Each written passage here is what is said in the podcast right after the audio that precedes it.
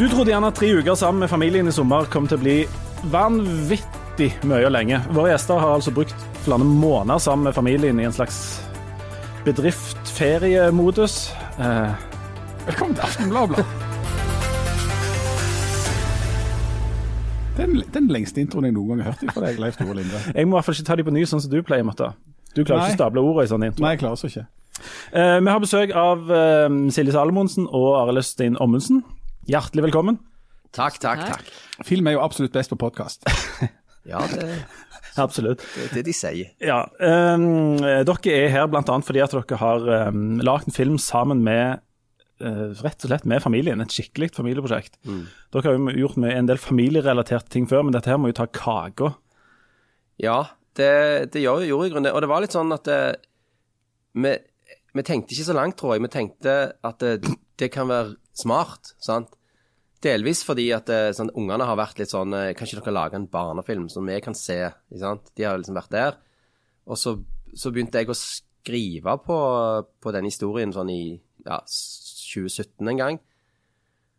Og så tok jeg litt sånn Jeg kjente at liksom jeg var litt sånn inspirert av dynamikken mellom våre døtre. Sant? Og så på et punkt så var det sånn ah, Hvorfor ikke bare prøve med de, da? Sant? Siden eh, tross alt eh, Og så tenkte vi at det skulle være litt eh, At det skulle være litt lurt og praktisk. Men, men du, jeg, har- jeg har òg to døtre, og den dynamikken som det er mellom, mellom mine døtre, den har aldri inspirert meg til å gjøre noe som helst, bortsett fra å sitte veldig lenge på toalettet. Og låse meg inn, for der får jeg fred. Eh, men dette, dette ble altså inspirerende for deg å se Ja, altså Helt til vi kom på oppdrag, kanskje? Ja, ikke sant? Det, det var liksom det. Det, det jeg mener at det, det, det virka som en grella god idé, det der med å, å, at det er våre egne unger og sånn. Men for det første så er det jo Det er jo på en måte Det er hardt arbeid. Men det er hardt arbeid der du på en måte Da må jo love ting. Sant? Du må, så- sånn, for at de skal gjøre det som du vil at de skal gjøre. Ikke sant? Nå er vi inne på noe jeg kjenner igjen. Så lover du de eksempel Ja, men da skal vi bade i tre timer. Og da skal vi, sant? Men så må du. Når du er ferdig med arbeidsdagen, så må du gjøre alt. Da kan du ikke sende de ungene til deres foreldre, så må de Du må jo gjøre det. Sant? Så, så der var det Pluss at de, de Altså, på en måte så tenkte jeg sånn OK, vi kjenner på en måte vi kjenner deres grenser og, sant, og kjenner de, men de kjenner jo òg oss. Sant? Sånn at de kan jo spekulere i det. Og det gjorde de. Altså, dette er på mange måter er interessant, men du har lagt deg til en voldsom uvane nå, Leif Tore. At du går rett på det saklige. Det begynte du med i forrige episode, og du har gjort det igjen. Jeg prøver å unngå, det- jeg unngå det jeg vet du har lyst Ja, å komme at, inn på. altså, og vi skal snakke mer eh, altså, om, om, om disse filmgreiene, både denne og andre filmer. Men, men det alle jo egentlig sitter og lurer på, det er hvordan gikk denne bryllupsdagen din, Leif Tore? Du fant du ut hva som var bryllupsdagen din, og hva skjedde? Ja. Jeg beklager til, til alle, Altså, særlig til, til dere, men det må vi altså gjøre. Jan er ekstremt opptatt av mine bryllupsdager og min manglende evne til å markere egentlig alt i livet. Jeg fant jo ikke til bryllupsdagen vår var. Den var på mandag. 29. ja. Nøyaktig ei uke etter jeg trodde. sånn som du som regel er. Hadde du Eh, hatt opplegg for den forrige mandagen da? Nei. Så du fant, Når fant du ut at det var feil den dagen du trodde det var? Um, det var når uh, hun som jeg har deler bryllupsdag med, minner meg om at det var mandagen etterpå. Okay. Som jo er et sympatisk trekk å gjøre. Men vi, hadde, vi, hadde, vi gjennomførte en bryllupsdag. eh, Mandag er jo en festdag. Mandag er en festdag. Så jeg hadde tenkt å gå på um, først en restaurant som var stengt, og så en annen restaurant som også var stengt, men så fant vi en som var åpen. Så vi fikk gått der og markert dette. Ja, dere åt godt, ja. Altså, Silje og Arild, altså, eh, hvordan er dynamikken i deres bryllupsdager? Er dette noe dere Er dere gift? Vi er gift. Gift. Godt gift. Godt gift. Hva, husker dere rundt å huske å markere bryllupsdager? Vi, det, vi husker de. Tid er det? Ja, det, det, er, Det er på halloween. det er på halloween, så det er litt Ja, sånn lett å huske. Ja, det var en lur dag. Men det var, vi gifta oss før vi visste om at halloween var ei greie. For det, vi gifta oss før ungene i Stavanger hadde begynt å feire den. Oi. Ja. Men dere har bryllupsdag på halloween, så det er, liksom, det, det er ikke noe Så- dere glemmer. Sånn at Når dere har bryllupsdag, da tar dere på dere sånne litt skremmende kostymer? og Nei, Når vi har bryllupsdag, så må vi jo alltid sminke noen unger og få på noen kostymer og følge dem rundt med noen bøtter, og så kommer vi hjem og så er vi trøtte og leie, og så Jeg, jeg, tar, jeg tar på en måte av meg sminken hver halloween. Jeg, Det det, du sånn. kan, men du kan da i teorien gå rundt på bryllupsdagen din utkledd som døden, eller et eller annet. Bare sånn helt symbolsk. Ja, det må være eh, veldig fint. Jeg så at, eh, at eh, hun som du fremdeles da er gift med Leif Tore, hadde lagt ut et bilde på Facebook av hvordan du så ut på bryllupsdagen. For det første så det ut som du var rundt mellom 12 og 13 år. Eh, som jo skyldes at du gifta deg så enormt tidlig, fordi at du jo er så enormt kristen. Du må jo gifte deg tidlig for, for på en måte få Akkurat det. Ja. Ja. Hvis du så Hvor tidlig gifta du deg? Nei, eh, ja, ja Det er ikke lov. Dette er jo eh, Jeg var vel 22, men, og, og bilder er jo, er jo alltid best på radio, men uh, dere kan ikke se det bildet. Men jeg var Han sitter, altså han, han, han ser purung ut, eh, og så har han blitt oppdressa i en sånn sjakett som han har lånt eller leid, altså lånte fjær. Og så er han plassert i en slags sånn fotballpositur, altså på, på huk. Nå viser vi bildet til uh, disse som jobber med det visuelle. Han sitter på, på Men det er jo konf-bildet, det. Det er jo ikke Nei, dette er- Noe har gått feil der. Dette, dette er bryllupsbildet, og, og um, hver gang vårt Bruden? Hæ? Ja, hvor er bruden? Ja, nettopp det, sant. Dette er det Det er eneste kjernespørsmål. Nei, men Dette er det eneste bildet som fins av dette bryllupet der jeg er med. fordi det, ehm, vår eh, fotograf for dagen, Johannes Vorseberg, han eh, visste jo hva han holdt på med allerede da, så han plasserte jo alltid bruden uh, framme i bildet. Og så står jeg bak, altså halvveis dekt av bruden, gjerne, eller dekt av en forlover. På en del bilder er jeg dekt av et tre. Altså, Jeg er omtrent ikke med. Ja. Så for at jeg skulle få lov å skinne bitte litt, så ble det tatt et sånn tøysebilde der jeg går ned i en sånn konfirmantknekk og står og jeg ser jo ut som en konfirmant. Eh, men det var jo fordi at jeg måtte gifte meg så enormt tidlig, fordi jeg var så enormt kristelig. Ja, og så enormt høyen. Ja, det er jo to, to sider av samme sak. Men ja, så, og så er det jo sånn at vi, vi som eh, har mer eller mindre vanlige jobber, med, eh, og, og er mer eller mindre vanlige ekteskap, vi er jo sånn at da går vi jo på en måte på jobb, og så er vi vekke fra hverandre en stund. Mens dere to, dere har altså valgt da, å ikke bare være gift, men å jobbe i lag hele tida. Er det altså fordeler og ulemper med å være det? Ja, men vi begynte jo egentlig å jobbe sammen, og så gifta vi oss seinere. Ja, gifting er mer sånn konsekvens av jobbinga. Ja. Ja. Det er like greit å bare gifte seg. Ja. veien, på en måte. ja. Men, eh, men, men vi sliter vel mer med å jobbe hver for oss nå, og må av og til øve litt på det. For det, da mistrives vi jo, i hvert fall jeg. Ja, det er jo noe med å liksom eh, kunne komme hjem og ikke slutte å snakke om det du har lyst til å snakke om. Jobb. Ja. Fordi det jeg av og til føler folk jeg kjenner, som jeg ikke skal nevne navn på, som, jeg har, som ikke har en sånn greie, det at de kommer hjem og så må du holde skjult f.eks. at i dag så hadde jeg det ganske kjekt på jobb, eller i dag hadde jeg drit på jobb, så er det sånn Ja, men jeg eh, Ja, ikke sant? Sånn at det, så det slipper jo vi, da. Vi kan på en måte gnåle om eh, det som vi har gjort. Men blir ikke det kjedelig å, å gnåle om film både på jobb og privat hele tida? Nei, faktisk ikke. Det, er jo, det handler jo om folk. Det handler ikke om film, på en måte. Nei. Det Det er jo mye, Vi snakker jo, mest, vi snakker jo ikke om kameraer og lyd og ledninger og utsnitt og linsebruk som regel. Av og til det- òg, men det er jo mer eh, relasjoner og folk og hvordan de er og hvorfor de er sånn og hvordan de handler. Og, altså Det er jo psykologi egentlig vi holder på med, Ja. som, som, så det er jo alltid gøy å snakke om Sånn, folk. folk. som sagt, den podkasten når dere snakket om 40-50-årskriser, eh, da kjente jeg meg veldig igjen. Det er liksom sånn. Sånn liker jeg å snakke. Men, men eh, med, altså det, det åpningsspørsmålet når du på en måte kom hjem og skal lande, ja vel, hvordan uh, var det på jobb i dag? Det må jo være helt meningsløst hos dere. For dere har jo uh... Ja, for vi, vi trenger jo ikke spørre det spørsmålet. Nei, det er sant, det. Nei, men det er jo Og det er jo litt sånn Det, var jo en, slags- det er jo mer en slags uh, kaller du sånne ekteskap? Eh, arrangert ekteskap. ja, arrangerte ekteskap, eller tvangsekteskap. Fordi meg, meg og Silje var jo jeg, Vi har jo jobbet sammen. Første filmen jeg lagde, der hadde jeg jo kasta jeg henne. Det var i 96. Og vi hadde jo jobbet sammen i eh, Altså, hun hadde vært liksom med skuespiller, hadde vært regiassistent og vært altså alt mulig i, i ni år før eh, Før jeg eh, plutselig fant ut at eh, Og det var ikke noen følelser. Det var følelser, men ikke sånne følelser. Men før jeg plutselig Faktisk, dette var litt sånn film. Jeg våkna opp i Oslo eh, klokka fire på natta med et sånn rykk som er sånn Shit, jeg er forelska i Silje. Så Oi. tok jeg toget hjem, og da var hun dørvakt på Sementen. Så gikk jeg bort til henne, eh, og så sier jeg Hør her, Silje. Jeg, eh, jeg er forelska i deg. Så sier hun OK, da har vi et problem. Fordi eh, vi har jo et græla bra vennskap. Det, Kjempesvar, vi det. har, ja, dette, dette Nei, jeg hadde et enda dårligere svar jeg hadde. Dette må vi få under kontroll. Det var det du sa. Dette må vi få under kontroll. Ja. Og måten jeg da fikk det under kontroll på, det var jo bare å henge med han 24 timer i døgnet. Derfra ut. Problem, den- møt løsning. Ja, det var ikke så veldig god løsning. Men uh... Ja, men Dere fikk jo løst problemet med at til slutt så ble det dere, da. til slutt så klarte vi jo å løse det, da. ja. Og jeg følte Ja, men, jo og det verste av alt, jeg var helt enig i det. At liksom, dette må vi få orden i. Altså, det er er sånn rart, rare greie, det der. Fordi jeg tror aldri jeg har sagt det til noen sånn Altså, liksom, type, jeg, jeg, altså, jeg er forelska i deg. For det hadde jeg ikke klart å si. Men det var litt sånn, det var litt sånn business, hvis du skjønner. Det var sånn Dette er et problem. Det har oppstått. Jeg må dele det med deg, og så må vi ordne det. Og så var jeg helt med på det. Men det gikk jo veldig Det gikk dårlig. Ja, Det har jo gått kjempedårlig. Det er skikkelig dritt. Og så er det jo ført til at dere har jobbet, altså dere jobbet i lag først, og så fortsatte dere å ha lagd mye filmer eh, i lag, jobb med i lag. Men dere har òg lagd filmer i det der systemet som finnes, sant? altså med, med andre folk og altså sånn støttesystem og sånn. Hva er forskjellen på å lage film når dere lager det som en sånn familiegreie, og det å jobbe i sånn system?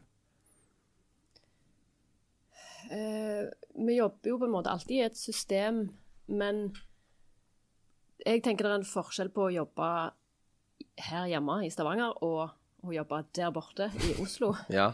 Der er det store forskjeller. Og jeg vet jo godt hva jeg liker best. Men det er òg det som ofte er vanskeligst, og det er òg veldig vanskelig å få. For det er en utrolig sånn sentralisert eh, business, og alle er veldig interessert i at det skal være eh, skal være i Oslo, eh, på en måte de store kreftene. Så, så det er jo supervanskelig, for det finnes jo ingen støtteordninger her, egentlig. Filmkraft er jo bare kortfilm og dokumentar og talentutvikling.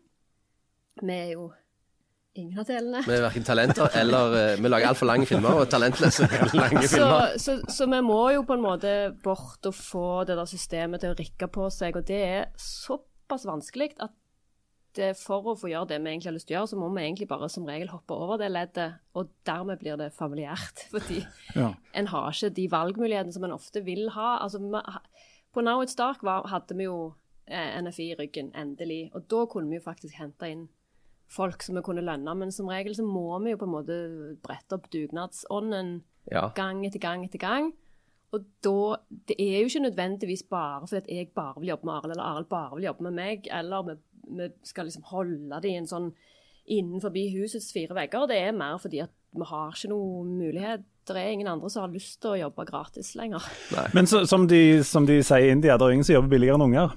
Det Oi, det kan vi ikke si. Men du, jeg, det må vi redigere vekk. Jeg har lest ei bok en gang, for tre år jeg siden. bok. Ja, han har alltid lest en bok. alltid lest en bok Og en som heter Kjetil Lismoen, som er veldig god på sånn filmgreier. Og han mener at Arild Østin, og du òg som var med på det, da, på et vis, men, altså, men det at du lagde Mongoland, var med på å endre norsk filmindustri. Og det hadde, hadde noe med akkurat det utgangspunktet her, at eh, eh, han mener at holdningen rundt sånn, eh, altså på 90-tallet var sånn at enten så får du altså du sitter og venter til du får støtte av Norsk Filminstitutt. Og hvis du ikke får støtte av Norsk Filminstitutt, så lager du ikke film. Mens det satt altså noen da i Stavanger oppe på Sementen som hadde lyst til å lage film, som ikke fikk støtte fra Norsk Filminstitutt. Når de sendte inn en sånn eh, halvferdig VHS av eh, filmen, så fikk var tilbakemeldinger fra Filminstituttet at dette er ikke en film. Um, men dere, dere endra noe, og dere brøt noe med at for det første dere lagde det på tross av at dere ikke hadde fått støtte. Dere hadde hovedkarakterer som snakket stavangersk, noe som var helt uhørt, for de snakket jo bare Oslo-dialekt. Og, og Mongoland er en film som bryter med sånne klassiske dramaturgiske prinsipper. Det er ikke noe sånn veldig, altså det er en slags fortelling der, men det bryter på en måte med mye sånn som en film liksom da skulle være.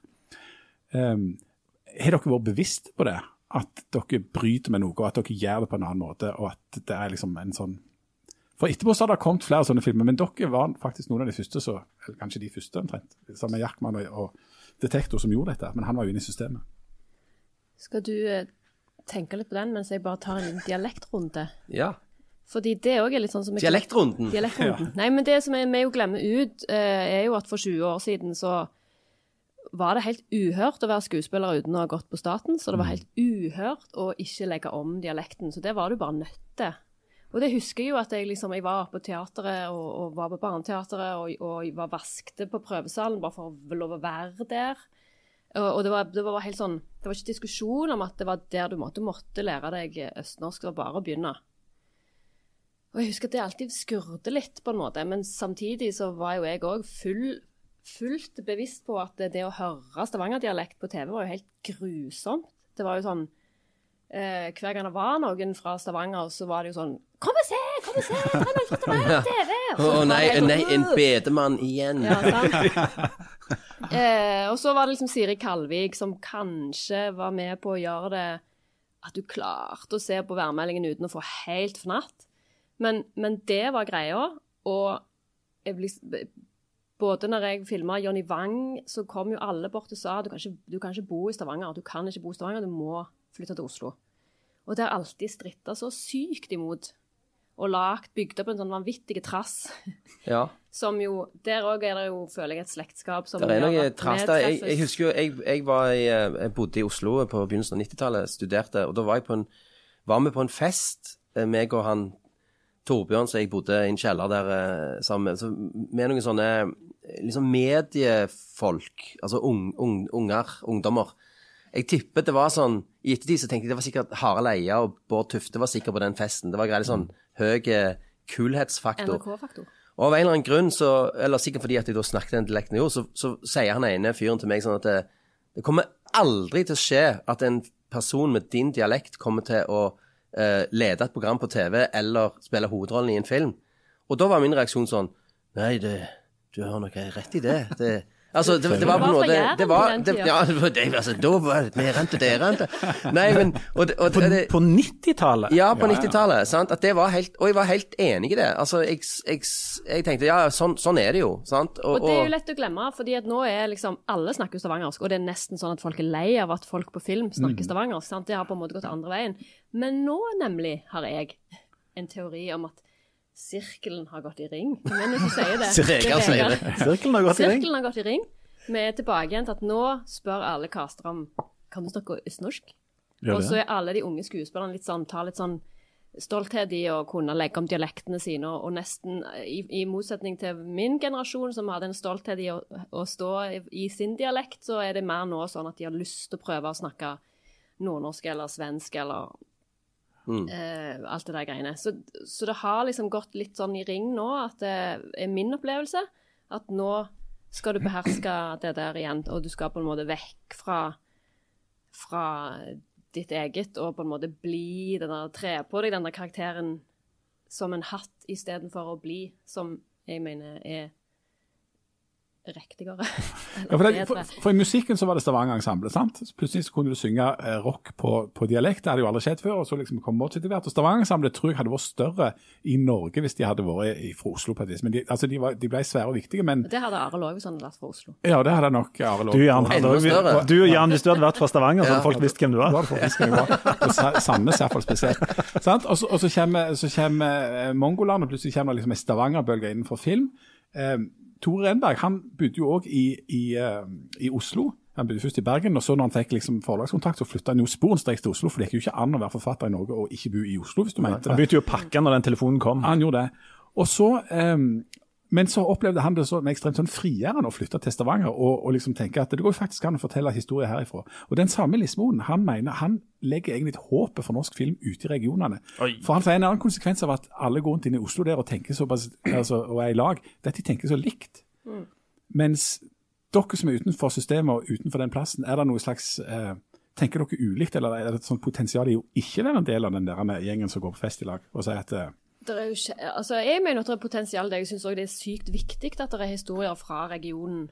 Ehm, det er bare det at det er så utrolig mye maktstrukturer og store selskaper som nå kjøper opp de små, og så sitter de på et sånn stigert eh, berg og har kontrollen på pengene og på midlene og på, på alt de sammen. Og så drar de da gjerne. Og der òg er det en, en forskjell som jeg mener folk kanskje er mer bevisst på nå, kanskje til og med òg i koronaperspektiv at eh, det er veldig forskjell på å lage en film i Stavanger og å være her og filme en dag eller to, men egentlig være en, en stor produsent fra Oslo.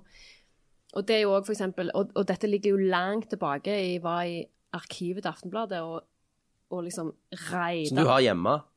ja, fordi du er jo i slekt med i med Ja. Aftenbladet. Skal vi ta det med en gang, for du er Hva er slektskapet der? Tippold, min tippoldefar. Han grunnla Stavanger. Han grunnla Stavanger Aftenblad. Derfor har du rettigheten til arkivet vårt. Fortsett. Og jeg har hatt Aftenblad-aksjer. Ja. De kan ikke være mye verdt. Nei, ikke nå lenger. nei, de var det i sin tid. Eh, nei, eh, nå spurte jeg av.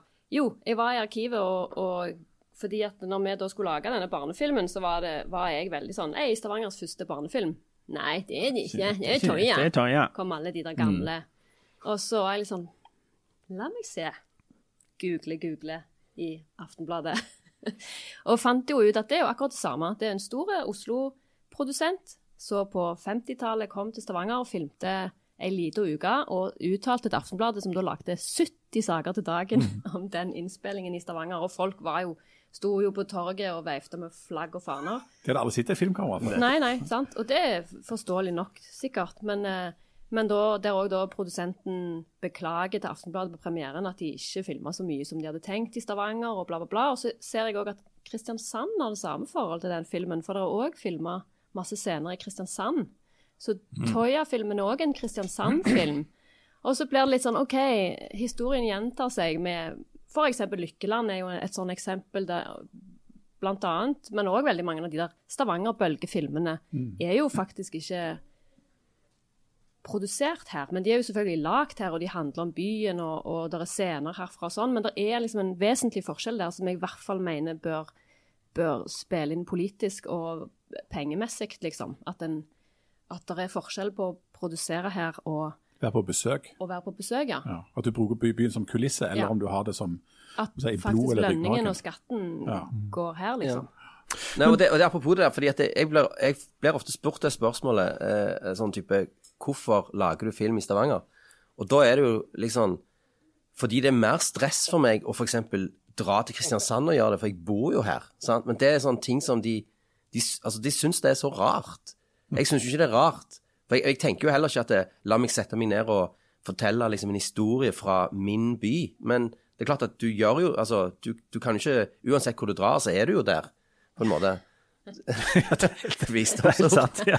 så, så at det, det er noe, Men at det er derfor at det, som kanskje Silje er inne på der Én ting er å dra et sted og lage altså Hvis jeg drar til Syden og lager en film i Syden, så vil det ikke være en fortelling fra Syden, mens de som bor der, de har jo en annen, et annet perspektiv. At det er et eller annet der med, øh, som gjør at det er kanskje viktig at det, at det lages film i distriktene, fra distriktene, ikke, ikke flys inn og filme der. For det er noe annet. Altså, det blir jo ikke, når, når Tom Cruise henger på prekestolen, så er det ikke liksom Å, endelig en fortelling fra Lysefjord. Er er Stavanger- faktisk, faktisk en fortelling fra Kashmir, viste det seg. Ja. Jeg så den filmen her om dagen. Det tangerer faktisk det der vi holder på med, faktisk, Lindøy. Eller altså det som har med Silje Salomon sin tippoldefars i avis. Fordi at eh, det at det kommer ut ei avis her, gjør jo at det blir fortalt historier herifra. Det at det blir lagt en podkast og to ifra Stavanger, eller denne regionen her. Altså, eh, Vi har vel innsett på en måte nærmest som sånn eh, merkevare her i, huset at hvis ikke Stavanger Aftenblad eh, finnes, og hvis ikke Stavanger Aftenblad skriver om ting som foregår her, så kommer det nesten ikke til å bli nevnt. Og det er knapt omtrent som det vil ha skjedd i et sånn eh, historisk perspektiv. Så vi driver jo alle med det samme, enten det er Tor Enberg som skriver bøker, eller de som skriver musikk herifra, eller de som lager film, eller de som lager aviser herifra. Så handler det jo om at du forteller historier fra andre plasser i Norge enn Oslo sentrum. Og da er det jo òg, syns jeg, da, veldig viktig å ta det ansvaret som en som brukere av byen, eller mediene, eller det vi gjør til å liksom støtte opp om det, da. Og om de folka som velger å, å bli her. For det er jo igjen masse folk som, som blir opplært og, og skitla her til å dra, dra vekk fra byen, liksom. Og det er det veldig mange grunner til å gjøre. Så det, Dessverre. For det, altså, jeg mener jo at det var bedre kår her for, for 15-17-20 år siden, på en måte. Fordi at vi var yngre. Ja, det var, var, det be, var det bedre kår, eller var dere på en måte mindre kresne og litt sånn i oppstartsfasen? sånn at det Nei, men det er mer det at det, det mindre kresne, vi er jo akkurat på samme sted, på en måte, hvis du ser på det økonomisk. Ja. Vi lager jo fortsatt film uten Ja, det, Altså, ja. det er jo, systemet er jo ikke lagt for å lage film på den måten vi gjør, og vi får jo hele veien høre at det, det blir så vanskelig å støtte dere når dere har satt i gang. Og vi, altså, med den barnefilmen òg, vi måtte jo teste ut funker dette? Altså, funker vi sammen? Funker vi å jobbe med to unger? Funker de? Liker de det? Altså, kan de spille i det hele tatt? Det måtte vi teste ut, og da måtte vi jo sette litt i gang. Ja, du, får- Og så har du på en måte satt i gang noe som du burde ikke gjøre, for du måtte jo først levere en manus, og så må du gjøre sånn og sånn og sånn. Altså, du må liksom følge reglene. Men hvis du skal lage film uten penger, så kan du ikke følge reglene. For du har ikke sjans til å gjøre det på den måten. Og da blir det enten ingenting, eller så kan det bli noe, og så må du bare Ja, men Er det noe sånn frigjørende i det? Altså, er det altså, hadde dere lagd andre filmer hvis dere hadde vært mer inne i det der støttesystemet? Om vi hadde lagt flere? Nei, andre typer filmer. Altså Hadde filmene blitt annerledes? For det blir jo filmer nå, da, på et eller annet vis. Ja, ja. Men hadde det blitt noen andre filmer hvis dere eh, hadde Norsk Filminstitutt eh, inne? Garantert. Ja, det tror jeg nok. Og det, det er jo et eller annet der. Det er, det er jo en slags elefant i rommet her. Eh, Jan, det er stygt å si, nei, Ja. det er stygt å si om Jan. Han har prøvd så godt han kan. nei, jeg tenkte egentlig for meg sjøl. Ok, la gå. fordi eh, Ja, det Altså Det som dere kanskje ikke vet eh, der ute, det er jo at jeg var jo eh, norgesmester i langrenn i 1984. Og det var jo litt det samme. Altså, fordi Var var du norgesmester i Yes! langrenn? som 14-åring eh, på Lillehammer. Thomas Alsgaard. Ikke sant? Det, ja, ja, nei, men, nei, nei, han var yngre enn meg. Men uansett. Ja, ja. Og det var jo sånn, fordi i en by eh, uten snø, sant, bla, bla, bla. Og, og det som også, og da var far min var liksom, Det var han som Han var liksom treneren min, da. Ikke sant? Fordi han hadde, jeg hadde ikke noe valg, fordi han måtte kjøre. Vi måtte jo kjøre til Ja, har kjørte minst halvannen time for å finne snø, ikke sant. Så, men da husker jeg at far min fikk eh, kritikk på altså, Og det, dette var etter jeg hadde vunnet, at sønnen din går græla stygt. Ikke sant? Eh, jo, men sant? Og det, og, og, det ikke, bare, ikke bare vant jeg, men jeg slo deg ned i støvlene. eh, Virkelig. Eh, og, og det var litt sånn Og så eh, Først så trodde de det var en feil. sant? Altså, De måtte regne om igjen og om igjen på dette før de fant ut at det sant? En rogalending som vunnet, Ja, så det må være noe galt med klokka. Ja, ja. Og da, og, men det, jeg tenker det er jo et eller annet For jeg var jo egentlig aldri jeg, Og jeg, den dag i dag er virkelig ikke interessert i sport. sant? Du er kun norgesmester på ski for 14-åringer. Ja, men altså, der hadde jeg. Jeg hadde et eller annet der som eh, Jeg hadde nok et eller annet talent, da. Sant?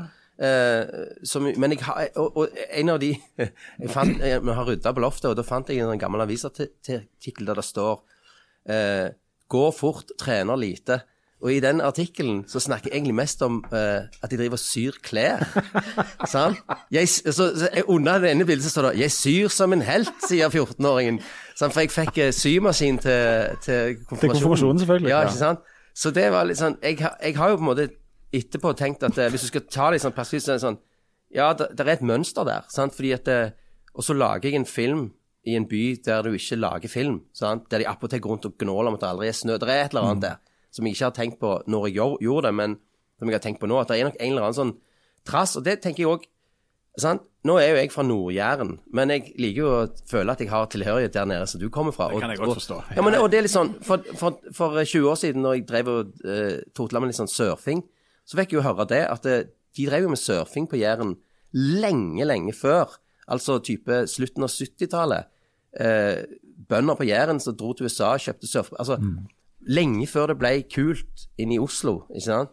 Det er nok et eller annet der, en sånn det er et eller annet sånn trass og egenrådighet i blodet her borte som, som jeg tenker at jeg har eh, på godt og vondt liksom arva, da. Sant? Og, og, og det for å svare på det du sa der, Jan, at det, om det er befriende Jeg tror det gir meg en litt sånn perverse energi. Eller ikke perverse energi, men det gir meg en eller annen glede å ikke bli regna som At du er liksom blant fiffen, da. sant? Og det er jo litt sånn Nå kommer jeg fra Kalhammeren i Stavanger, sant? og det er jo Fiffen. Ja, jeg har er jo vært- Jo, men altså, det, apropos, fordi at eh, jeg har en, en kompis som, eh, som ligner litt på deg. Thomas Alf Larsen, som bor Ja, ja, ja. på eh, Eiganes. Jeg ligner han- på Thomas Alf Larsen og Tom Hell. Ja, ikke sant? Nettopp. Du er en miks av de. Ja. Men uansett, når Thomas Alf Larsen skulle si til bestefaren sin at han, eh, han skulle besøke meg Ja, hvor er han bor? Nei, Han bor borti der. Å ja, blant blikkfantene, sier han. Sant? Og, og dette òg Nå, nå ranter jeg her, men for noen år siden 15 år siden så skulle vi lage en film for eh, en novellefilm for NRK eh, som var sånn basert på Ibsen, ins inspirert av Ibsen. Og da skulle vi filme en sånn, en sånn hagefest. Og da skulle vi egentlig filme i en hage oppe på Eiganes. ikke sant? Og vi hadde fått lov til det og alt, alt sånn. Helt til hun da som eier det huset, eh, spør, eh, ja, spør han som var produsent, og, ja, hvor er han fra, han som skal lage denne filmen? Nei, han er fra Stavanger, sier han. Ja, men hvor i Stavanger? Han er, kommer fra eh, Kalhammeren. Å ja, han snakker vel sånn gatespråk, han da. Og så fikk vi ikke lov å filme fordi at jeg kom fra feil side av byen. Ikke sant? Ja. Og dette var liksom, det er 15 år siden. Hun var ganske gammel, hun dame, men det er jo en sånn der Og der tenker jeg at det, Jeg kjenner jo når jeg blir engasjert når jeg snakker om det. Jeg tror, jeg, jeg tror at jeg får energi av å, å på en måte ikke føle at jeg er eh, god nok, på en måte. Sant? Det er et eller annet der. Altså at en liksom Men det er, jo alltid, det er jo alltid greit å være underdog, på en måte. Det er på en måte en, en god posisjon, i hvert fall når du lager billig, billige film. Eh, og så er det en frihet der òg med måte. Det er jo òg noe rart med at film er inn, innretta som om det var for 40 år siden. For det er jo, kameraene er jo ikke så dyre. Det er jo ikke så dyrt lenger som det var. Men, men støtteordningene er ganske like som de alltid har vært. Og det er utrolig tungt å, å snu. Um, så det er jo helt klart noe befriende med når utstyret er lettere å håndtere, så kan en faktisk gjøre det. Alle kan gjøre det, eh, på et vis. Men det virker jo samtidig som dere Dere høres ut som det er befriende, og så samtidig så høres dere litt ut som dere skulle ønske dere liksom hadde romsligere vilkår for å lage disse tingene. da. Skulle absolutt ønske at vi hadde romsligere vilkår. Eh, men vi, vi, vi lager jo gjerne òg film etter det vi har. sånn at vi, vi gjør jo òg manuset og de som er med etter lesten vi har å rutte med, på en måte. Men det er jo klart at hvis, hvis det skal bli noe av den neste filmen, så må vi jo Det, går ikke lenger. Nå, jeg, jeg kjenner jo òg at det, det har på en måte kommet til et slags punkt nå med koronagreiene òg, at det i hvert fall for et år siden så var det litt sånn skal, Er det nå vi hiver inn håndkleet? Ja. på en måte? Ja, jeg hadde jo, jeg, jeg hadde jo tenkt eh, Det kan jeg snakke om etterpå. Jeg hadde tenkt å hive inn håndkleet i fjor. Men, men jeg tenker sånn altså For eksempel nå med denne barnefilmen. Så i fjor sommer så hadde vi håpet at vi skulle få noe For vi begynte i 2018, og så hadde vi en del ting igjen som vi, vi hadde lyst til å gjøre, som var litt mer sånn krevende. Eh, litt sånn stuntaktig. Eh, så vi tenkte det trenger vi litt penger, for vi trenger å betale noen for å, å hjelpe oss. Så fikk vi ikke de pengene, og så måtte vi jo gjøre det likevel. Og da måtte vi, da måtte vi jo hanke inn eh, folk på vi, vi liksom var på hytta til min far. Da måtte vi hanke inn liksom naboer til å hjelpe oss. Og, og sant, han ene naboen som aldri har filma noe før, han, jeg bandt han fast i en tau, for jeg har høydeskrekk. Og så, og så, og, og så lå han forbi kanten av et fjell og filma med, med kamera mens jeg, mens jeg lå bak og sa 'lenger ut', lenger ut! Sant? Nei, men altså, vi måtte jo, eh, vi måtte jo på en måte bare ta det vi, vi hadde der. Så, så, og jeg tror at dette med at, at vi skulle ønske at vi hadde, hadde mer penger, da, det handler mest om at vi føler at vi tærer på andre folk. sant? Altså for oss, vi, altså vi har jo på en måte et græla sånn selvvalgt liv, og det er superprivilegert i den forstand at en, en holder på med det som en har lyst til å holde på med, og tjener ikke penger på det. vi deler jo på en måte ei lønn, meg og Silje, som er mindre enn folk tjener hver. skjønner du? Altså, men det er jo vår business.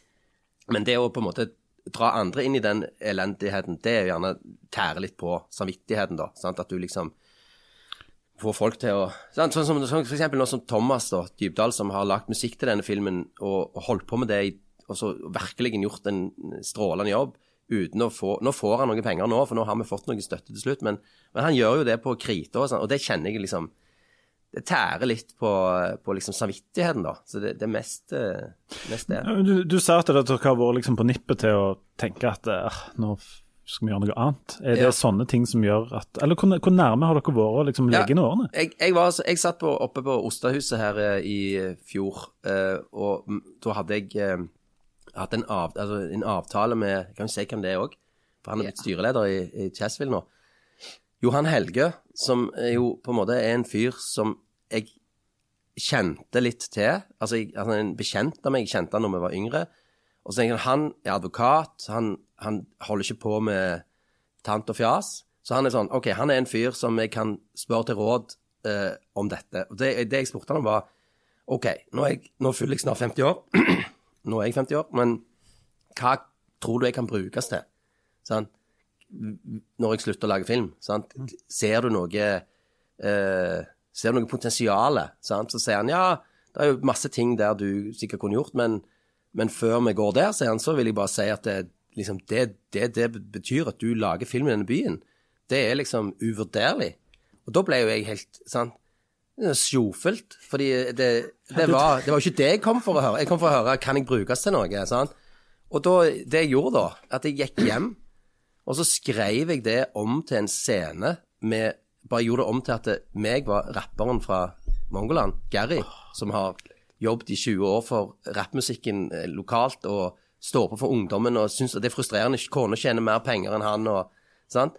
Så la jeg hele den scenen min da inn i han, og så tenkte jeg OK, nå, nå, nå er jeg jo i gang.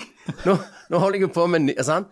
Og så, så har jeg fortsatt, da. Men sånn at, at eh, Ja, så jeg, jeg var ganske close, men, eh, men også, Var det liksom oppstarten til Mongoland 2 omtrent? det var i alle fall oppstart Altså, jeg hadde jo hadde liksom vært inne på tanken og, og, og, og liksom tulla litt med det og sånn, men det var på en måte Den scenen var på en måte essensen av hva, og hva den filmen Jeg tror den filmen eh, kommer til å bli.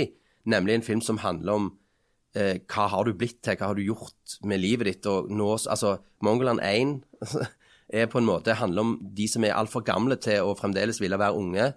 Men nå er de på en måte så gamle at de har gjort de tinga. Altså, de må innse at jeg ble aldri eh, kunstner, jeg ble aldri forfatter, eller jeg Altså, den tingen der er jo en ting som jeg Derfor har jeg som sagt jeg likte så godt den der eh, episoden deres som handler om de tinga. Sant? Eh, så, så da er jo liksom Igjen, da, nå raller jeg mye her, da, men, men motivasjonen for å lage ting er jo at det føles meningsfullt. At det er sånn OK, det har jeg lyst til å lage en film om. Det er ikke sånn at det, jeg har lyst til å lage film fordi det er kult å lage film. For det er jo bare stress. Det er jo stress, men det er jo det, er jo det der en, at, det- at en har noe altså Igjen, jeg mener ikke, det høres litt sånn åndas ut at jeg, at jeg skal At jeg liksom, å, jeg har noe viktig å fortelle. Det er ikke det heller. Men, men en eller annen sånn Et eller annet uttrykksbehov er det jo. ikke sant? Men, men hvor langt er du i løypa med, med Mongoland 2, da? er vel der at uh, manuset er så godt Er på en måte Om ikke ferdig, så iallfall mer ferdig enn noe annet jeg, jeg har skrevet. de siste år. Eh, men der vi Ja, men der vi Vi har jo græla lyst til å gå i gang, og vi prøver å, og, og, liksom finne noen alternative måter å sikre oss på eh, økonomisk, sånn at vi tør å gå i gang. Men, men det er jo det. Det er liksom å vente på Og det er jo det Ja. som er litt sånn, fordi nå, nå har vi lagd en, en e litt egen måte å lage film på, på en måte som, som eh, jeg føler òg blir respektert. Og de ser jo at det funker, så de kommer jo med pengene til slutt. og det er jo topp. Men, eh, men så er det jo det igjen at hvert prosjekt så begynner du på en måte på null igjen. Så da må du ha det manuset, og så, må du ha, så har de på en måte ikke skjønt, føler jeg da, at det, å ja, ja, men de jobber jo sånn. Vi må ta hensyn til det. Ja. Det, det, det blir liksom, Da kommer denne hatten igjen og skal tres på, sånn at du er nødt til å gå inn i det sporet der vi helst ikke vil være. fordi at jeg tror det, det er så mange muligheter til å gjøre det til at det skal bli bedre hvis du ikke trenger inn den hatten. hjem. Og så, det har vi iallfall fått bevist veldig, mener jeg, da, i den barnefilmen, at, eh, at det å legge til rette for akkurat den historien, akkurat den filmen og de folka du har med deg, betyr veldig mye for resultatet i spill, i scener, i uttrykket og i bildene i forhold til det der å liksom stå på teipen og si replikken din, eh, som, som er en sånn skole, skolemåte å gjøre det på, som, som ikke kler kler deg eller oss, i hvert fall. ja. Ja, For du, du Jan, har jo uttalt eh, på det trykte ord at eh, du ikke kan like unger på film. Eh, som jo er skummelt for oss eh, å tenke på. Men jeg kan på en måte forstå det òg, ikke sant. Fordi at eh, eh, Uten forkleinelse til den, men jeg har jo lagt barnefilm før inne i Oslo der. Og På andre sida av fjellet. På andre siden av Det så fjellet. trangt. Og da var det jo litt, litt Og det var jo den filmen som, som gjorde at jeg eh, på en måte eh, etterpå Altså filmen jeg lagde etterpå, 'Eventyrland', da var det jo bare meg. Og, altså, og skuespillerne var helt alene. Fordi at det, i Oslo der så hadde jeg jeg vet ikke, jeg, 50 mann i crewet. Og jeg opplevde at det som, det aller siste som på en måte ble prioritert, det var at de ungene skulle eh, prestere. Sant? Så de ble jo trøtte og leie eh, av å vente på eh, teknikken, og som gjorde at det, jeg syns at de Altså, de, de kunne ha vært så mye bedre. Det, det ble liksom det, tilrette- det er det hun er inne på òg. Liksom, systemet tar så mye plass at, det, en, at en glemmer liksom hva som er viktig, nemlig det som skjer foran det der kameraet. Så det er jo liksom uh, Du, du, Den, den filmen det var jo Knerten 3. Jeg kan Ja. bare si at I dag har jeg vært sett Knerten 5 og skal skrive anmeldelse av det når vi er ferdige her. Lykke til. Ja. Jan har jo også skrevet at sam samtidskunst er stygt, og han, eh, det er vel enkelte spissformuleringer her. Men nå, nå, nå, har vi, nå har vi brukt 40 minutter på å snirkle oss litt inn på, for, og snakket om denne filmen deres. Vi har ennå ikke sagt hva den heter. Nei. Nei. Den heter Tottori. Tottori! Tottori! Og det- Og den handler sånn i, i korte trekk om to unger som er på, på tur med faren. Og så skjer det noe dramatisk med faren som gjør at de ungene må sk- prøve å skaffe hjelp og, og klare seg en del sjøl. Um, og den filmen har dere lagd sammen med to, altså deres døtre, som eh, er fire og åtte år eller noe sånt. De var fire og åtte, ja. Ja, når dere begynte å spille inn. Um, for, å, for, for å henge ut Jan igjen, da, um, som Jeg ser jo som vanlig veldig dårlig ut av dette, men det er greit. ja, Det er jo som regel jeg som begynner å komme dårlig ut i starten, så kommer du dårlig ut i slutten. Eh, s- som har, for vi har, vi har diskutert det der med unger på film ganske mye. fordi at eh, det, det virker som å være en ganske vanskelig ting. Altså Noen unger eh, på film blir litt sånn eh, De blir Skuespiller, hvis de, du- du ser på dem at de prøver å spille skuespill, og prøver å være flinke i å spille skuespill. De Ja. blir uh, overtydelige, eller så blir de sånn veslevoksne. Det er Ja. det jeg har imot det. da. Men, så, men, så, men grunnen til at jeg skrev den setningen om at jeg egentlig ikke, ikke liker unger på film, er jo at stort sett så syns jeg at det blir liksom for tydelig eller for veslevoksent. Men så så jeg jo en film der unge, ungen fungerte veldig bra, som virker veldig naturlige. Og utfordringen på film er jo å få folk til å se naturlige ut, enten de er voksne eller barn. Men her har jo dere jobbet med deres egne unger som ehm, Jeg tror heller jeg ville ha stukket ut begge mine egne øyne med en veldig rusten syl en gang i døgnet, enn å prøvd at jeg skulle gjøre det med mine unger. Men deres unger var altså da fire og åtte år. Um, og så hadde dere en periode der dere testa dette her litt, ikke sant? Ja. Og det gikk kjempegodt. Nei. Eller det gikk ikke godt. Det gikk ikke, det gikk ikke godt. Men, Det var men det var på en måte Hva? Ja, men, men eh, Det er jo ikke selvsagt at dette skal nei, funke. Nei, men når du, når du altså, jeg har jo, jeg har jo spilt, altså, jobbet med unger før på film som skuespiller, og de er liksom Du kan møte unger på, på prøvespilling som er bare helt sånn Wow, de bryter sammen, de gråter, og de kan replikkene sine, de bare skambra. Men så skjer det ofte da når du kommer på sett, akkurat det som du snakker om med, med din erfaring, at det, teknikken kommer i veien, de må stå på den merket, de må se til høyre, og så må de sant? Og, så, og så blir det stivt, og så, og så til slutt går tida fra eh, teamet, og så må du bare bare si det, og så se den veien, eller smil, eller, eller bare de voksne tar seg av scenen, og så får ungene bare et nærbilde der de enten reagerer sånn, eller er sure, eller et eller annet. Mens det da å, å liksom å snu den, da, fordi våre unger er ikke noe gudegaver som og Det mener jo jo, nei, men jeg mener jo, jeg mener jo at det, det, det, det, er jo min, det, er- er jo òg min sånn fanesak med filmskuespill at hvem som helst kan være bra på, på film. Hvis de er rett casta. Utenom meg. Jeg mener jo at det er ikke noen unike talenter eller Altså selvfølgelig Det er en sjelden gang en Kristoffer Joner som, som, som er på en måte ett hakk over de fleste. Men sånn mener jeg dette Men det talentet kommer med en del heftelser, Ja. så men, men sånn, min overbevisning i hvert fall er at det, hvem som helst så lenge de er rett kasta, kan, kan funke på film, men du må legge til rette for de du har foran der. sant? Og for vår del denne gang da, så er fordelen er at eh, de er veldig avslappa med oss, eh, på godt og vondt. Eh, de er veldig avslappa med at det er et kamera der. Eh, Sånn at det, og, og så, men så er jo òg utfordringen at hun ene er fire og andre er åtte, så hun ene er mer bevisst på hva vi holder på med, og har en bevissthet om at, hva dette er. Hun andre, på hun minste, kan du lure inn i en lek, og da, når du lurer en unge, eller får en unge inn i den leken, så havner du der som jeg som skuespiller alltid drømmer om å være, at du bare glemmer tid og sted, og er i, i det, liksom. Du er, du er liksom 100% og da finnes det jo ikke dårlig spill, for da er det ikke spill lenger. Da er Nei. det ekte. Og det er jo Men- det, er jo men- det jeg føler vi har liksom fått til tidvis her. Ja, og, og sånn, rent sånn praktisk hvordan det fungerer, så er det sånn at det, vi vet at det, vi har en scene der de skal krysse ei, ei elv. Og eh, istedenfor da å bestemme hvordan de skal gjøre det, så tenker vi OK, vi setter de på andre sida av elva. Jeg går over på andre sida og sier kom igjen. Og så må de finne ut av det. Og da, da skjer det jo ting som er som, For de tenker annerledes. Og, og de liksom. ble, Altså plutselig er de opptatt av at det, Å, så ekkelt! Altså i vannet. De er opptatt av andre ting enn hvis jeg hadde skrevet scenen. Så er det sånn Å, en, en skummel elv, ikke sant? Og, og, og, og gjort en eller annen sånn spenningsgreie, så blir det noe annet. Og, og at det blir et sånn rollespill for de Og som da. igjen også er poenget mitt med det der manuset, er ikke så viktig her. Vi hadde jo på en måte hva de skulle gjøre. De skal gå der og der og der, de skal treffe den og den og den på veien. Ja, Hadde dere skrevet replikker til de? Nei, for de kan jo ikke lese. altså 50 av de kunne iallfall ikke lese. Så det er jo ikke noe vits, på en måte. Og det, og det òg å pugge replikker, mm, det funker jo ikke helt. Så det, det beste er jo å ha Men det er, også, er jo, det er jo positivt med å ha tilgangen på det, at du kan snakke om det hele veien. Du kan snakke om den scenen du skal gjøre. Men òg noen ganger OK, vær så god, nå skal dere prøve å tenne opp det bålet. Istedenfor da at en dame på 40 eller en Ja. på 50 sitter og skriver.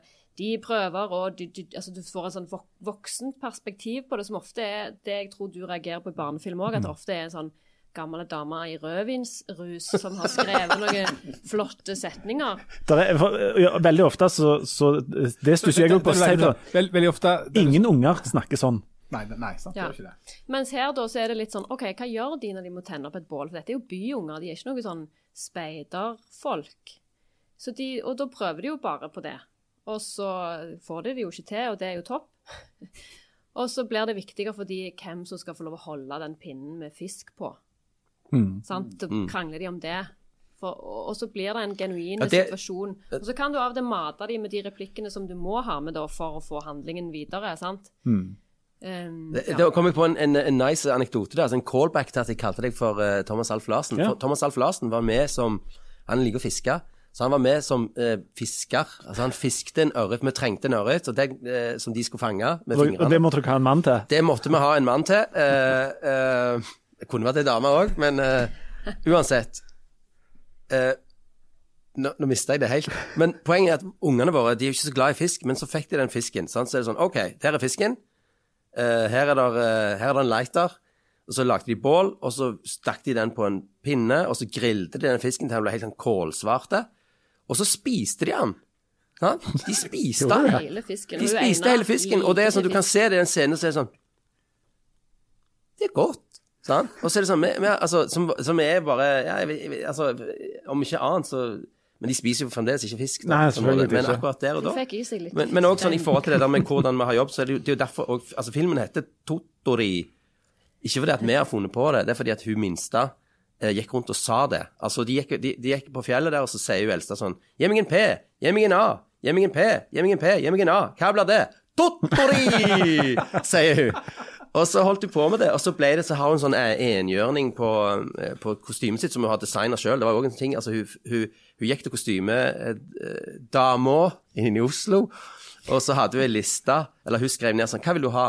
Så sier jeg jeg vil ha kappe, jeg vil ha vinger, jeg vil ha enhjørning. Jeg vil, altså, så OK, du får alt det. Så hun har lagd et sånt kostyme som er alt det. sant? Du har sydd sammen av all slags ting fra hennes møre og sånn. Men så da hadde hun en sånn en, enhjørning der som da ble Den ble òg Tottori. sant? Og så ble liksom Tottori ble eh, eh, på en måte hennes indre kraft. Det er Sånn superheltaktige Superhelt sant? Så, så, så, sånn sett så er det jo hun så er det hun som har på en måte Det er hun som har funnet på det, da. Men det, det gir henne jo en slags eh, royalties-rett her som vi ikke Skal Kan snakke høyt om. Ja, men, ja, men det er jo òg Nå hadde jeg et poeng som datt, datt ut. Det er sånn som Jan han skal skrive ting. Han har alltid et poeng som detter ut, så kommer han aldri tilbake. Men uh, nå har dere lagd denne uh, barnefilmen da, som uh, vi da kan kalle for Norges første barnefilm? Nei, nei Norges første barnefilm. Eh, Stavangers første Det barnefilm. bra barnefilm. Det, det, Men da får vi de der Toya-folka på nakken igjen. Ja, ja, de ja, det, ringer. da får vi de sende de til Kristiansand. det er snart ingen igjen av de, altså. Ja, det er det den, eneste. den skal ha gambler på. premiere i august, i begynnelsen av august. Men er det sånn, når dere da har vært utenfor systemet, er dere da utenfor systemet når dere nå skal liksom spre den rundt omkring? Eller kommer den på alle kinoer? Og, Da, da kommer er- de på matta, vet du. Da vil de være med. Ja. Nei da. Så nå, vi er inne i systemet, vi, og det kan jo liksom se ut som vi Ja, litt på grunn av at det er ingen andre som tør å slippe, eller veldig få som tør å slippe filmer nå, på grunn av Alt er jo utsatt. koronaen. sant? Så de, kinoen har jo òg ønska veldig Vi skulle jo egentlig ha premiere i høstferien, så vi har jo hevet oss rundt og fått det ferdig før tida. Og, og, men vi kunne på en måte Det var snakk om at vi skulle opp allerede, men eh, vi må Vi kan ikke bare trykke på Coop-knappen, sånn som den du har sett i dag gjør. Så vi må liksom bygge Vi må ha litt tid til å bygge det opp hva dette er, for det er jo heller ingen som vet. Og, og derfor så, så valgte vi august. ja. Eh, Men, Men, da kommer de i hele landet, ja. Det Ja. er planen. Men det at det da bare er lov å ha 200 folk inne i en kinosal, sannsynligvis òg i august, eh, får det store konsekvenser for økonomi og hvordan dette kommer til å gå? Eller, ja, eller, det, det, betyr jo selvfølgelig noe, men samtidig så, så i og med at vi er veldig lav, har lavt budsjett, så trenger vi jo heller ikke så mye folk på kino som en ofte gjør når en har større budsjett og skal gå i null. Men vi trenger jo fortsatt 10 000 kroner for at vi skal få lønn. 10 000 kroner. Nei, 10 000 folk. ja. Vi trenger å lure 10 000 til å gå og se. Men det er klart at det er en film som som Knerten 5, som du så i dag, de, de er jo De må jo opp i en sånn 300 000 på kino for å gå rundt, mens vi klarer oss med en tiendedel av det. Ja. Ikke sant? Eh, og, så, og så er det vel òg en fordel at det ikke altså at det er jo mange av de store filmene som er utsatt, så dere konkurrerer jo på en måte med færre. Altså der er Ja. eh, dere eh, større sjanse for at dere får rula litt grann i lanseringa der. Ja, det var jo det som var også en grunn til at vi ikke venta til høstferien, som vi egentlig hadde sett som en sånn ideell tid, men da står jo alt i kø av de der store Disney-tingene, og, og da er det jo David mot Goliat, og da har vi ikke sjans, vi drukner i alt det der, både Hollywood og, og de store Oslo-kreftene. Da har vi jo ingenting å stille opp med. Men du, vi må bare gå inn i det der med David mot Goliat, for da er dere David. Absolutt. Dere husker hvem som vant i David mot Goliat? David. Det er derfor vi sier det, David og Goliat, for vi vet jo det. Ja, vet ikke, Altså, Ja, men, jeg, ja, men der mener jeg at den, den lille filmen kan være bedre enn den store, selv om den er liten. Ja, ja. Og det er jo, apropos, det minner meg jo også litt om hva som var liksom, eh, utgangspunktet vårt uh, for å lage denne filmen, var jo at uh, eh, Som Silje sa en gang, at eh, vi begynte å krangle om hvem som skulle slippe å gå på kino med ungene. For det er så græl mye mas. Og med mas. var er dere introduserte for dette filmgreiene. Ja, men så tenker jeg også men, det, og dette, men dette er liksom viktig òg, tenker jeg, da. At det, du, og det er jo òg grunnen til at vi vil lage barnefilm. Eller jeg ville. Du ville jo egentlig ikke i starten. Nei, for jeg er jo litt sånn som han. Du ville jo bare gå på ski og sy klær. Ja, ja, jeg vil bare Men, Bruke ditt egentlige talent. en. Liksom, en er jo opptatt av hva en stapper i ungene av mat. En er jo opptatt av at de skal få i seg den fisken og grønnsakene. Og jeg mener jo òg Jeg vil jo ikke at ungene mine bare skal høre på Marcus og Martinus. Så jeg vil jo gjerne at de skal få høre noe annet òg, sånn at de skjønner at ei, det er jo mye her ute. Og det mener jeg er et ansvar både for, fra oss som foreldre og fra oss som lager ting, er at vi skal jo prøve å oppdra disse ungene til å like litt forskjellige ting innenfor kunst og kultur, innenfor hva det skulle være. Og da, da må en jo presentere dem for noe litt mer enn bare én ting. Og jeg føler kinokulturen i Norge har vært veldig enspora. Det er på en måte Karsten og Petra Gråtass-greiene som har vært nå i årevis. Ja. Av og til er det en eller annen liten perle som kommer dryppende, men det er utrolig sjelden. Nei. Men når vi, når vi går på kino med ungene, så er det jo ofte sånn at uh, du bestemmer deg for hva som gjør. Vi skal gå på kino. Og da er det alltid én film i det der segmentet der. Det er Én eller to, faktisk. Enten en, en animasjonsfilm eller uh, begge de er jo ofte bra, da. Ja, men, men, men de finnes alltid. Mens når vi er voksne skal gå på kino, så skal vi gå og se en, i hvert fall har jeg det sånn at da skal jeg gå og se den og den filmen. Mens for ungene så virker det som mye av det der både og kinounderholdning bare er sånn for å få tida til å gå. Ja, og, for, og, og jeg la merke til at mine unger var mer sånn Hvis de var på kino, så var de mer opptatt av popkorn eller snop. De var ikke interessert egentlig i det der greiene der. Husker ikke helt hva film de så når Nei. de går ut. Og, og det er utrolig trist, for jeg husker jo sjøl hvor fantastisk den kinoopplevelsen var. Spesielt når du så at mor eller far likte det. Da gikk det inn på en helt annen måte. Og der tror jeg det er et eller annet, selv om unger ikke kan sette ord på eh, hva, likte, hva, hva likte du med den filmen, eller hva syns du, så er det ofte eh, det var bra, eller det var fint, eller Kjekt. ja, kjekt det. Og så har de ikke så mye mer ord om det, for de, de har ikke lært seg å, å snakke om sånne ting på den måten.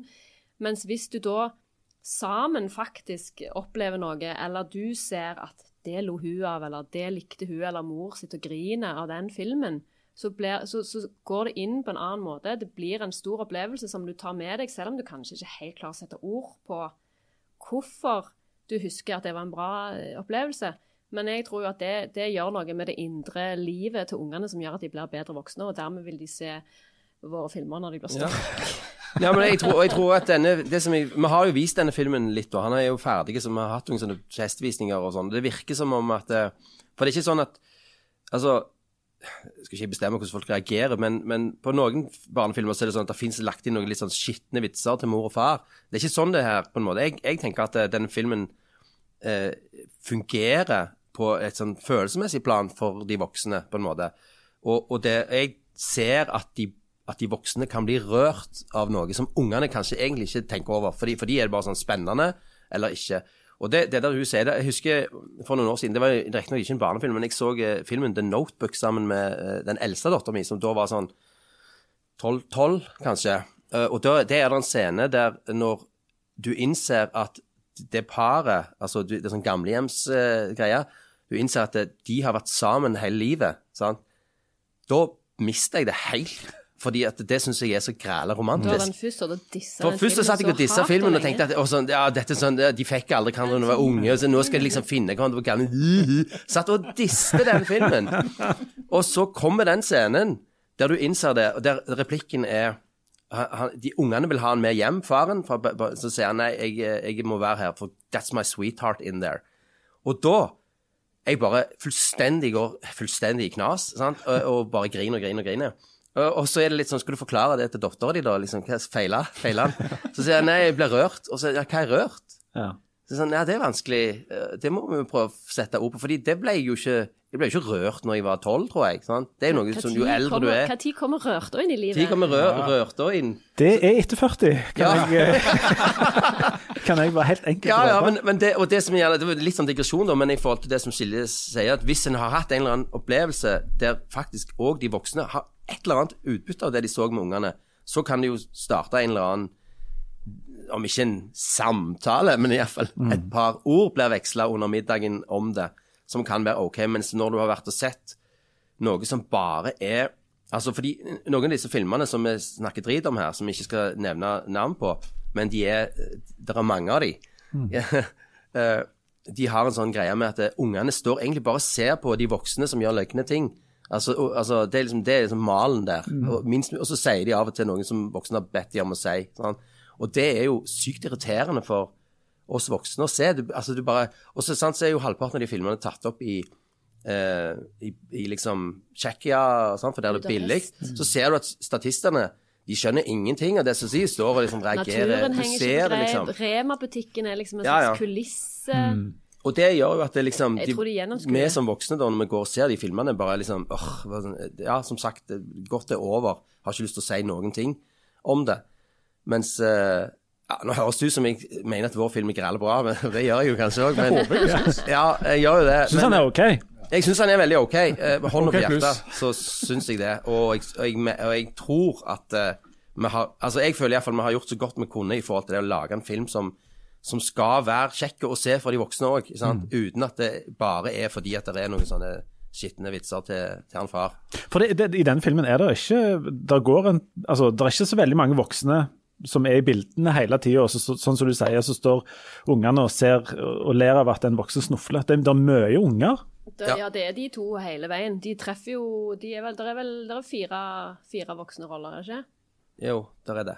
Nei, De er jo på en måte helt, de er helt alene, og det var litt av poenget òg. Det der med at liksom, vi, vi ville ikke at det skulle være sånn at det, at det, det er de voksne som ordner opp til slutt. De må liksom ordne opp sjøl. Til slutt Sant? kommer Røde Kors. Og, og da er liksom. det jo en sånn Det er jo en sånn Der er en del sånn Det er et par hjelpeløse voksne her, og han ene eh, det, Når de endelig Etter de har gått rundt i to dager da uten å finne folk, så hører de liksom lyden av panfløyta.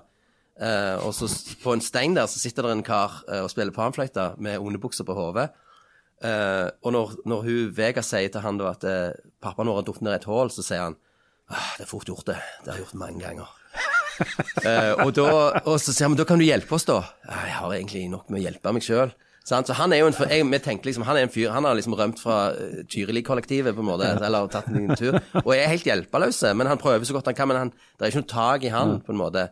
Så det, det er jo òg litt sånn eh, Det er en sånn scene som jeg tenker Den er løyen for voksne, men litt sånn skummel for ungene, fordi at det, han er jo helt ubrukelig, han fyren. sant? Og det, det var liksom eh, Det var et poeng, på en måte, og, og at de skulle Det er jo mange ubrukelige voksne. Ja. Det er det, det, er- det, Og det sitter jo flere av de, iallfall du, du sitter jo der, Leif Tore. Takk. jeg det, sier, det virker Fikk en liten sånn referanse til, til enkelte berømte drosjesjåfører i tidligere filmer som gjerne skulle hjulpet, men de, Ja, ja, de kan, bare ikke, kan bare ikke gjøre Det det. er sant. Der er det kanskje noe Der er det kanskje noe som jeg nå plutselig innser. Eh, at eh, Hvorfor dukker de der karakterene der opp? Er det liksom Igjen, hva er det en feeder på, da? Sant? Det er sånn NFI, kan jeg få noe penger? Nei. Eh, skulle gjerne gitt deg, men eh, Ja, skulle gjerne hjulpet deg, men kan jeg... Og så, jeg må bare si, jeg ble ekstremt beroliget når du tidligere sa at det var skrevet en scene til, til Gary i Det, det, det fins ikke et YouTube Jeg bruker mye tid på YouTube, dessverre, men det er ingen YouTube-klipp jeg har spilt mer enn når Gary sitter og forteller om hiphopen i Jeg har Stavanger. tatt ned, tatt ned det klippet, tror jeg, fordi det er for mye eh, Ja, feil der. Men det er, er, er jo sånne klipp som kan forklare alt. Og uansett hva som blir sagt eller skrevet eller diskutert om Stavanger, så kan du bare vise dem det klippet, og så er diskusjonen ferdig. For det kommer en Mongoland 2. Ja, altså, vi håper det. Vi, håper, vi, vi, vi kan ikke lage den for knapper og vi, glans. trenger, vi trenger noen penger, men, men, eh, men det er god stemning for det, og, og de, altså, de involverte skuespillerne sånn, er, er gira på det. Og jeg, jeg tror ikke minst at vi har et eller annet sånn Altså, i starten altså, Når Mongoland ble en suksess i sin tid, så hadde vi litt sånn Ja, skal vi lage en oppfølger? Mongoland drar til Syden, eller Mongoland går amok. Sånn. Men det var egentlig bare på tullestadiet.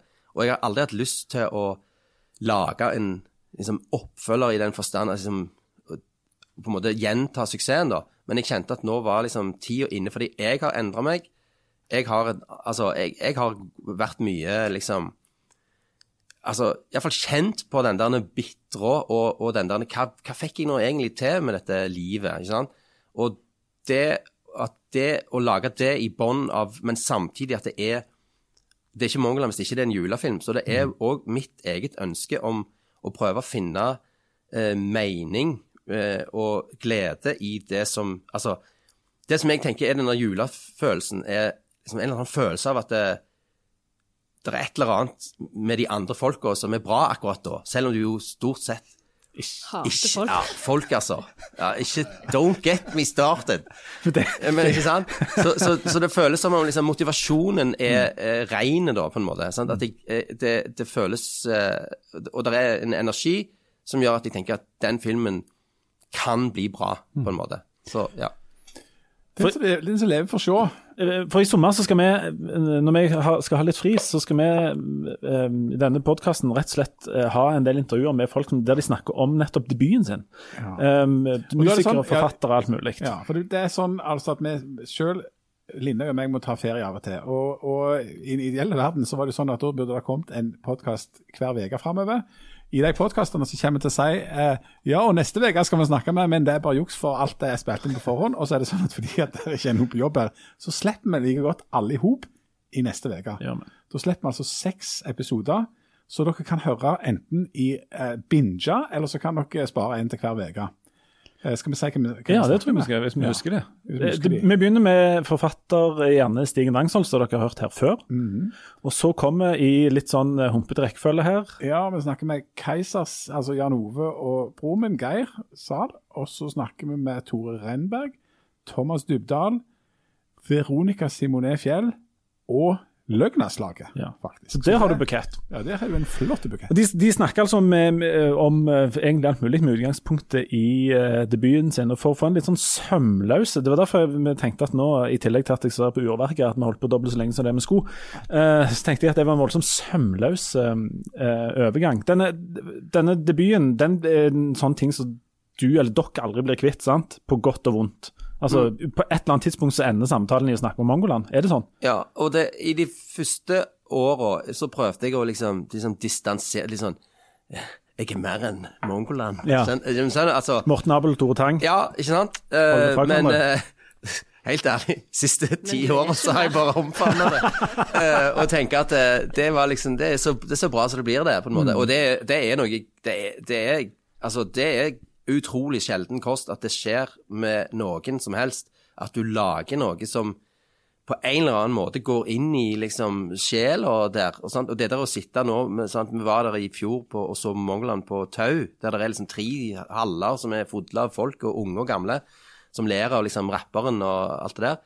Det er jo jeg græla stas. Det er så, så nå snakker jeg om Mongoland hele veien. Men, og så jeg var, eh, dette er veldig løye. Jeg, var, jeg har en eh, kompis som var alvorlig syk, og er for så vidt det òg, men han, når han var på sykehuset, så når jeg besøkte han der, så, så pleierne kom inn sånn, så sier han sånn Det er han som har lagd Mongoland. Og så er det gjerne sånn, en eller annen eh, pleier fra 24 år på, fra Østlandet som sier Mongoland, hva er det for noe? Har du ikke sett Mongoland? Og så sitter jeg der og rødmer, ikke sant. Men eh, ja. Jeg òg blir fornærma når, når jeg nevner det, og folk sier hva, hva er det for noe slags eh, film? Da blir jeg, da blir jeg fornærma på, på våre vegne. For Hvis det er én ting du skal gjøre, så er det i hvert fall, du skal i hvert fall ha sett Mongoland. Trenger ikke snakke med oss eller komme her uten å, uten å ha gjort det. Ja, og det syns jeg jo var grælig. Altså, vi syns jo det var utrolig kjekt å bli eh, på en måte plassert i samme bås og Kielland og av eh, Sal her når han sa hvem som måtte legge ned for godt og skifte og ja. Ja, for Du kan ikke kalle noe for mongo. Nei, det kan du ikke. eh, Men det, det var jo det, det var rett og slett Det kjente vi som en veldig kul ting. Sånn han, altså, vi er liksom Det er liksom Ja, vi er der. Det er superstas. Så gratulerer med den fallhøyden til Ja, ja, ja. Nei, som sagt, det blir jo ikke bedre. Så. Dette er, altså, dette kan vi ikke si høyt på lufta, men dette er som å få den andre ungen. Det er en enorm nedtur. Altså, det er, er så skuffende. Når du først virker nokså godt, og så får du hørt. Dette kunne vi snakket lenge om, Jan. Ja. Jeg tror, du tror du bør ta ferie nå. Jeg tror, jeg tror vi alle bør ta ferie. Um, tusen hjertelig takk for at du kom, og um, lykke til med å Når denne filmen kommer ut midt i koronaen og alt. Uh, det kan fort gå fryktelig godt. Og så, um, som sagt, nå kommer, hiver vi ut masse episoder snart som dere kan høre på, og så er vi tilbake live on tape uh, etter en sommer med korona og familie. Ja, lykke til. Vi snakkes. Ha det godt. Ha det.